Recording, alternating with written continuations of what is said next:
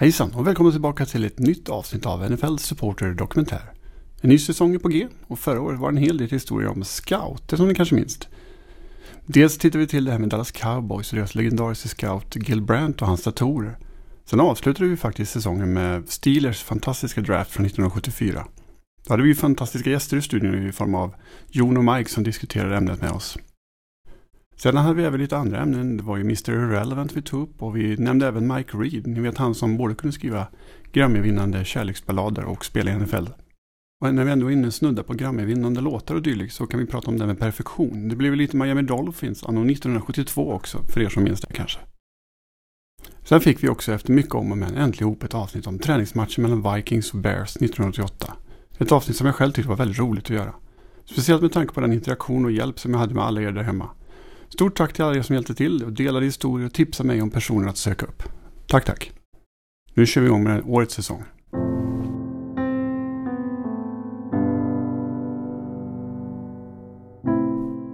Idag ska vi ta oss an en nyhet som chockade NFL när den annonserades. Nämligen den om en av sportens mest profilstarka stjärnor, Barry Sanders, plötsligt meddelade att nu fick det vara bra och pensionerade sig på toppen av sin karriär. Den enda förklaring som angavs var brist på motivation några intervjuer gavs inte utan Sanders var helt plötsligt borta från sporten. Historien om denne gigants fantastiska karriär är visserligen imponerande i sig. Men samtidigt väcker den även en del frågor kring klubben och ägarnas roll i en spelares med och motgångar. Idag ska vi således bege oss till motorstaden Detroit för att möta en av sportens allra största spelare. Och en arbetsgivare som efter år på irrvägar kanske äntligen är på rätt köl igen.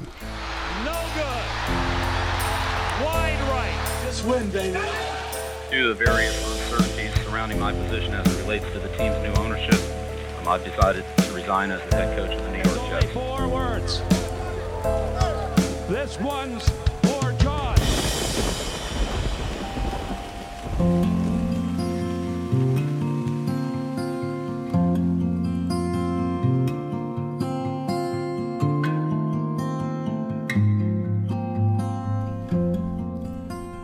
Barry Sanders föddes 1968 i Wichita, Kansas. Redan från unga år spelade han fotboll, men jämfört med många andra som passerat revy i podden så var han ingen supertalang från start. Under de tidiga åren lyckades han stundom inte ens konkurrera ut sin bror från laguppställningen. Med tiden tog det sig dock, men Sanders hade ett litet aber i sin storlek. Han var aningen liten, något som gjorde att många college inte visade den unge Kansas-sonen någon större uppmärksamhet. Helt utan erbjudande var han dock inte utan till slut föll valet av college på Oklahoma State där han inledningsvis var backup till en annan stor spelare som numera återfinns i Hall of Fame. Furman Thomas. När Thomas lämnade för spel i NFL och Buffalo Bills tog Sanders över som running back och presterade en av college-historiens främsta säsonger med 2628 yards. Han ledde självfallet ligan med dessa siffror och presterade 7,6 yards per försök och över 200 yards per match, inklusive fyra matcher med över 300 yards. När han lämnade Oklahoma hade han slagit, eller delade, 24 av rekorden inom collegefotbollen. Att nämna att Sanders detta år vann Heisman-trofén är nästan till onödigt. Here is Conrad. Chuck Conrad with a kickoff. Boy, he has a strong leg, end over end. Sanders takes it one yard deep in the end zone. Up the middle of 5, 10, 15, 20, 25, 30, 35. He's at the 40. He's at 45, 50, 45, 40, 35, 30, 25, 20, 50, 10, 5. Touchdown Cowboys! Unbelievable deja vu. Just like last year. Efter tre år på college äntrade han draften 1989 och valdes som nummer tre av Detroit Lions. Först ett år gick för övrigt Troy Aikman som kom att ha en Hall of Fame-karriär i Dallas. Detroits val av Sanders var även en milstolpe på så vis att college juniors inte var tillåtna i draften vid den här tidpunkten. En regel som man på något sätt inte låtsades om när det begav sig och sedan valde att ta bort helt vid följande års draft. Efter lite kontraktstjafs med Lions skrev Sanders till slut på ett femårskontrakt värt 9,5 miljoner US dollar. Vid den första presskonferensen deklarerade han att han var fast besluten att “bring back the roar in the dome”. Ett löfte som han inte hade alltför svårt att infria då han var en omedelbar succé. Visserligen fick han se sig besegrad av Chiefs Christian the Nigerian Nightmare Okoye som stod för allra flest yards detta år. Sanders hade dock goda möjligheter att ta den titeln men valde att sitta av slutet på årets sista match. 1470 yards var inte så dåligt heller i hans mening. Något som renderade i titeln Årets Rookie. Att inte spela sista matchen var onekligen lite litet udda val. Men som på något sätt är ganska utmärkande karaktärsdrag för personen Barry Sanders. Men låt oss återkomma till det lite senare. 1470 yards talar också sitt tydliga språk. Sanders var en faktor att räkna med för Detroit och hans motståndare visste inte riktigt hur de skulle hantera honom. Som ett exempel på den inverkan Sanders hade på ligan så kan det nämnas att Vikings coach Jerry Burns blev så frustrerad under mötet med Lions att han bad domarna att granska Sanders efter matchen. Detta eftersom Burns misstänkte att svårigheterna för Vikings att tackla Sanders berodde på att Sanders var insmord i silikon eller någonting. Domarna kontrollerade självfallet Sanders efter matchen men kunde konstatera att inga olagliga substanser gick att finna på den unge rookien. Förutom att historien är lite småkul i sig så visar den också lite på Sanders spelstil och personlighet. Sanders besatt hela paketet. Han var snabb och stark men hade framförallt en exceptionell förmåga att kvickt förflytta sig i sidled när ett hål öppnade upp sig. Karl var helt enkelt omöjlig att få grepp om. John Teerlink, som var D-line coach i Minnesota Vikings 1994, sa en gång att det enda sättet man kunde simulera Bernie Sanders på träningen var att låta de defensiva linjemännen jaga hönor på träningen. Huruvida de verkligen gjorde detta låter vi dock få osagt. Den andra aspekten som var påtaglig med Sanders var att han inte alltid var intresserad av det här med rekord och rubriker. Han har bland annat beskrivit sig själv som en average guy, en medelmåttig kille. Jämfört med andra samtida personligheter från 90-talet som Dion Sanders eller Michael Irvin så gjorde Sanders till exempel aldrig några stora gester efter en touchdown. Han lämnade bara över bollen till domaren och gick och satte sig på bänken igen. Noterbart i sammanhanget är för övrigt att Sanders ofta satt på bänken med hjälmen på. Folk i hans närhet har berättat att detta mycket väl kan ha att göra med att Sanders gillar att sova och att de kommit på honom att sova sittandes just på bänken. Något som självfallet var svårare att upptäcka om han hade just hjälmen på sig. Flertalet kamrater har också vittnat om att Sanders gärna sov innan matchstart. Allt medan lagkamraterna skrek och hoppade i omklädningsrummet och försökte pumpa upp adrenalinet. En gammal lagkamrat sa en gång att om Sanders hade fått valet mellan att hämta Heisman-priset eller att sova, då hade Sanders valt sömn. Ofta dök han bara upp till prisceremonier av respekt för sina lagkamrater som hjälpt honom dit. För egen del hade det kunnat kvitta.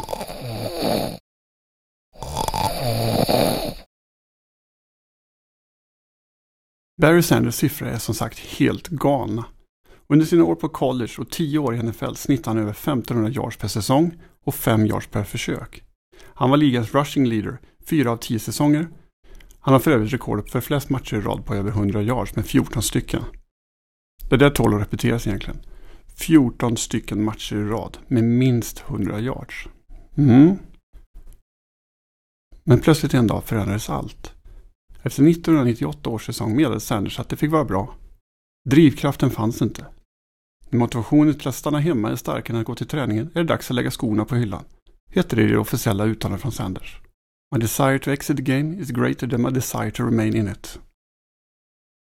Visst, Detroit kanske inte var världens bästa lag, men visst måste det funnits mål i Sanders liv. Han var ju bara några fåtal yard ifrån att gå förbi Walter Sweetness Paytons siffror för totala yards av en karriär. Att han dessutom till synes hade Eric Dickersons klassiska single season record på 2105 yards inom räckhåll borde också ha varit en sporre för att fortsätta. Men icke. En av NFL-historiens största karriärer var plötsligt över. Tio fantastiska säsonger fick fansen ut av denna fantastiska atlet. Självfallet lät inte media Sanders uttalanden gå obemärkt förbi. Någonstans kände alla att hela sanningen inte riktigt kommit fram i denna historia. Varför slutade Barry Sanders egentligen? Teserna kring detta var många. Var det så att han slutade för att han inte ville passera legenden Walter Payton i historieböckerna? Payton var vid tidpunkten för Sanders pensionering döende och lämnade oss sedermera i november 1999. Eller var Sanders pensionering ett tyst rop på hjälp?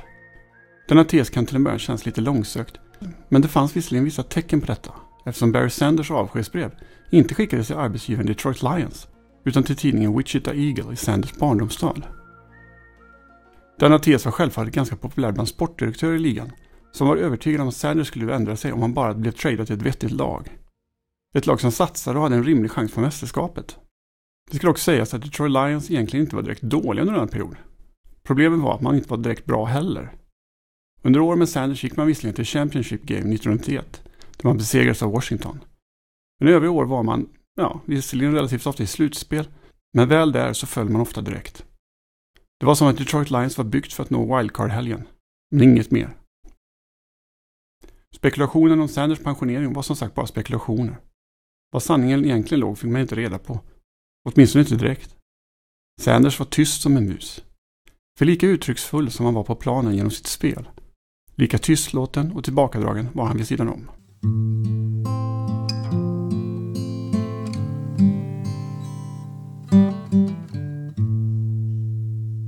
Sanders pensionering skapade även en del ekonomiska bryderier. Detta eftersom han två år tidigare skrev på ett sexårskontrakt värt 34,5 miljoner dollar. Ett kontrakt som dessutom hade en signeringsbonus på 11 miljoner dollar. Pengar som nu Lions vill ha tillbaka. Eller åtminstone det belopp som motsvarar den återstående tiden på kontraktet. Sanders advokater nekade naturligtvis, vilket gjorde att ärendet anmäldes till NFL. Väl där dömde NFL, eller domaren snarare kanske, till Lions fördel vilket innebar att Sanders dömdes till att omedelbar verkan betala tillbaka en sjättedel och resterande pengar under de efterföljande tre åren. För att tala i klartext fick Sanders alltså endast behålla två sjättedelar av sin sign-on-bonus. Förhandlingarna avslutades dock med en ganska intressant gest från Sanders sida som gav utomstående en inblick i vad som egentligen var felet. Sanders erbjöd sig nämligen att betala tillbaka hela pengen på ett bräde Dock under förutsättning att Lions släppte rättigheterna för honom, eller tradade honom till ett annat lag. Lyons nekade till detta och föredrog betalningsplanen över tre år, vilket dessutom skulle se till att Sanders förblev pensionerad. Det här domslutet har av naturliga skäl sedan 2000 varit prejudicerande i NFL. Och på sedvanliga namngivningsmanér i NFL refereras detta till som The Barry Sanders Rule.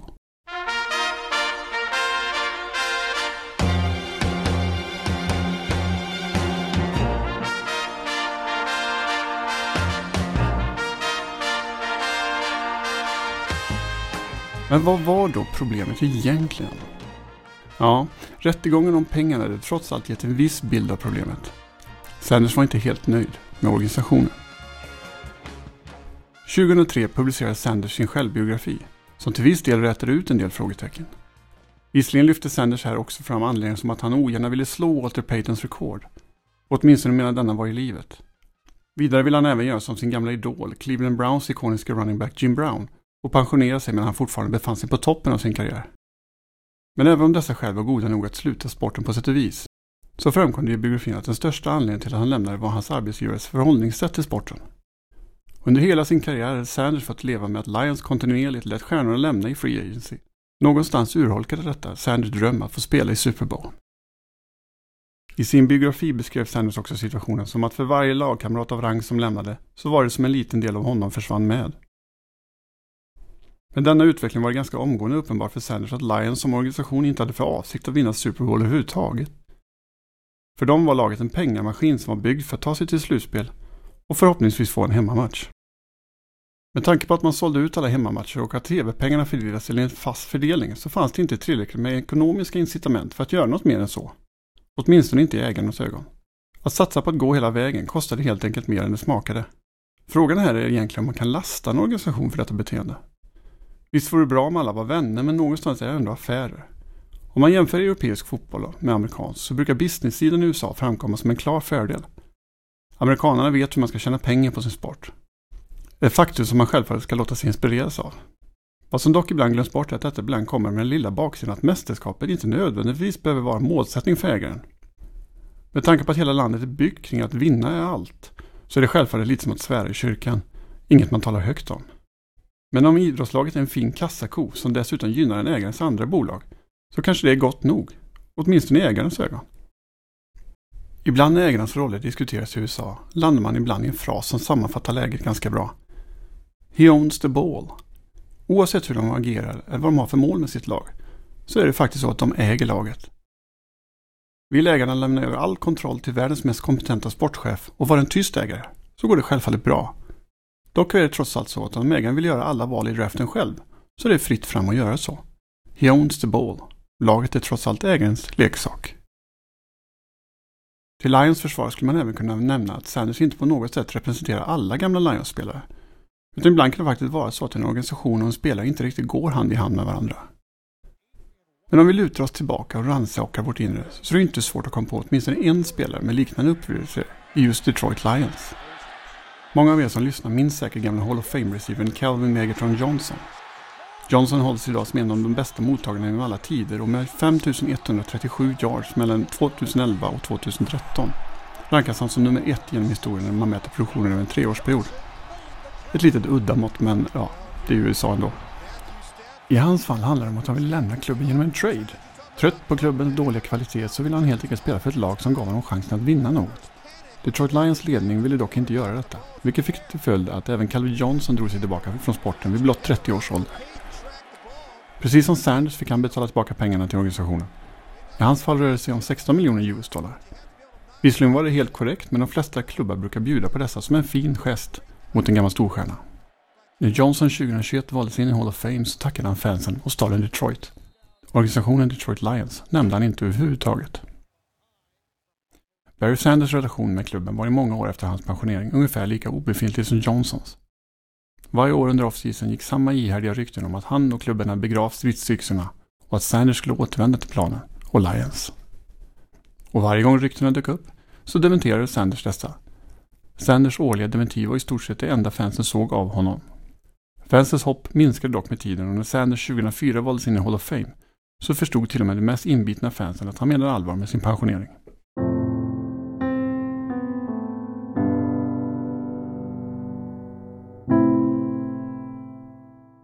På senare år har dock vindarna börjat vända en aning i motorstaden. Numera heter Lions ägare Sheila Ford Hamp. Och om vi ska tro vad vi kan läsa i tidningarna har hon god kännedom om den gamla kulturen i Lions och försöker på sitt sätt städa upp i organisationen. Dels genom ett gediget arbete vad gäller diversifiering. Antalet kvinnor i organisationen har exempelvis ökat under hennes period och detsamma gäller även minoriteter. Men framförallt har hon dock varit noga med att fotbollsbesluten framöver ska tas av personer som brinner för sporten och så kan den utan och innan. Visst finns affärsmännen kvar, men de är nu förpassade till att ta beslut om just sådant. Ett exempel på den nya regimen i Lions är Matt Stafford som efter 12 säsonger bad om att bli bortbytt till ett annat lag för att kunna få chansen på ett mästerskap. I intervjuer rörande detta har han just lyft fram att han inte trodde detta skulle vara möjligt, men att han såg en dörr öppnas när Ford Hamp och den nya ledningen tog över. Som vi alla känner till gick Lions med på detta och Stafford återfinns idag i Rams, där han i februari fick möjlighet att lyfta bucklan. Även om det aldrig är kul att släppa iväg spelare är det kanske nödvändigt ont för att bygga ett vinnande lag i längden. Någonstans vill Lions trots allt kunna framstå som en vettig arbetsgivare. Annars kommer man aldrig kunna locka till sig spännande spelare fram igenom. En annan aspekt av det här att vara en vettig arbetsgivare är självfallet att försonas med sina gamla hjältar. Det som ska sälja in klubben till näringsliv och nya rekryter. Här har Calvin Johnson efter många år börjat ta vissa steg mot en försoning. Men är inte riktigt där ännu. Samtal pågår som det brukar heta. Barry Sanders däremot valde till slut att 2017 sluta fred med Detroit Lions och arbetar numera som lagets ambassadör. Lagets agerande på 90-talet går aldrig att rätta till, men tillsammans gör de nu ett försök till att styra klubben i rätt riktning. Och även om fansen ännu inte vågat börja drömma om mästerskap, kanske en ägare med en fast hand och en enad fasad är en bra början. In and again in motion. Double tight end. Barry again off the right side, breaks one tackle to the 40, fights free! He's on his way! 25, 20, 15, 10, and he scores! Unbelievable!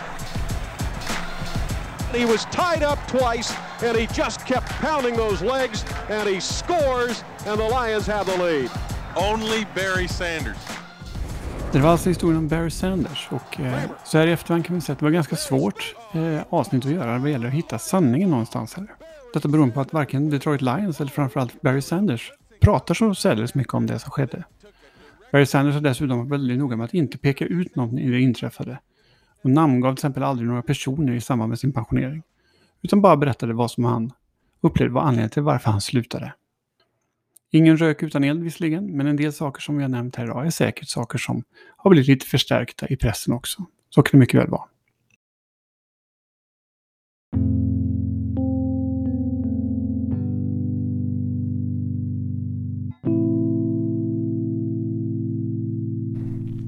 Det ska väl visserligen sägas det att eh, de här anklagelserna om att laget inte ville vinna är naturligtvis ingen i Detroit Lions som har kommenterat. Däremot är det många som sagt genom åren att de absolut inte vet någonting om fotboll. Eh, något som naturligtvis inte har gjort fansen mer trygga i sitt val av favoritlag. I övrigt kan vi nämna det till exempel att förutom i Hall of Fame så finns även Barry Sanders i college-fotbollens Hall of Fame självklart. 2013 fick han även en annan hedersbetygelse när Electronic Arts gav ut en jubileumsutgåva av tv-spelet Madden när detta firade 25 år. Med tanke på det unika tillfället passade han på att frångå sitt normala arbetssätt när det kommer till att välja atlet på omslaget. Istället för att välja en av fjolårssäsongens stora profiler bad man spelets fans att rösta fram vem de ville se på omslaget. Valet föll då på Barry Sanders. När NFL firade 100 år häromåret tog man ut ett jubileumslag med 100 profiler från ligans historia. Då blev Sanders utvald i gruppen av running backs tillsammans med sina gamla idoler Walter Payton och Jim Brown. I övrigt i gruppen ingick då även Earl Campbell och Emmett Smith. En hedersbetygelse god som någon. Speciellt för en person som ofta pratar om respekten för de gamla stjärnorna. Det där var allt för idag och vi återkommer snart med ett nytt avsnitt av NFL Supporter Dokumentär. Missa inte våra andra poddar från NFL Supporter såsom Veckans College och Veckans NFL. Om du har några tankar och idéer så är du välkommen att mejla mig på info.nflsupporter.se. Jag som gjort det här programmet heter Per Fogelin och du når mig på Twitter via 1fogelinper. 1fogelinper. Tills nästa gång vi hörs, ha det riktigt bra. Hej!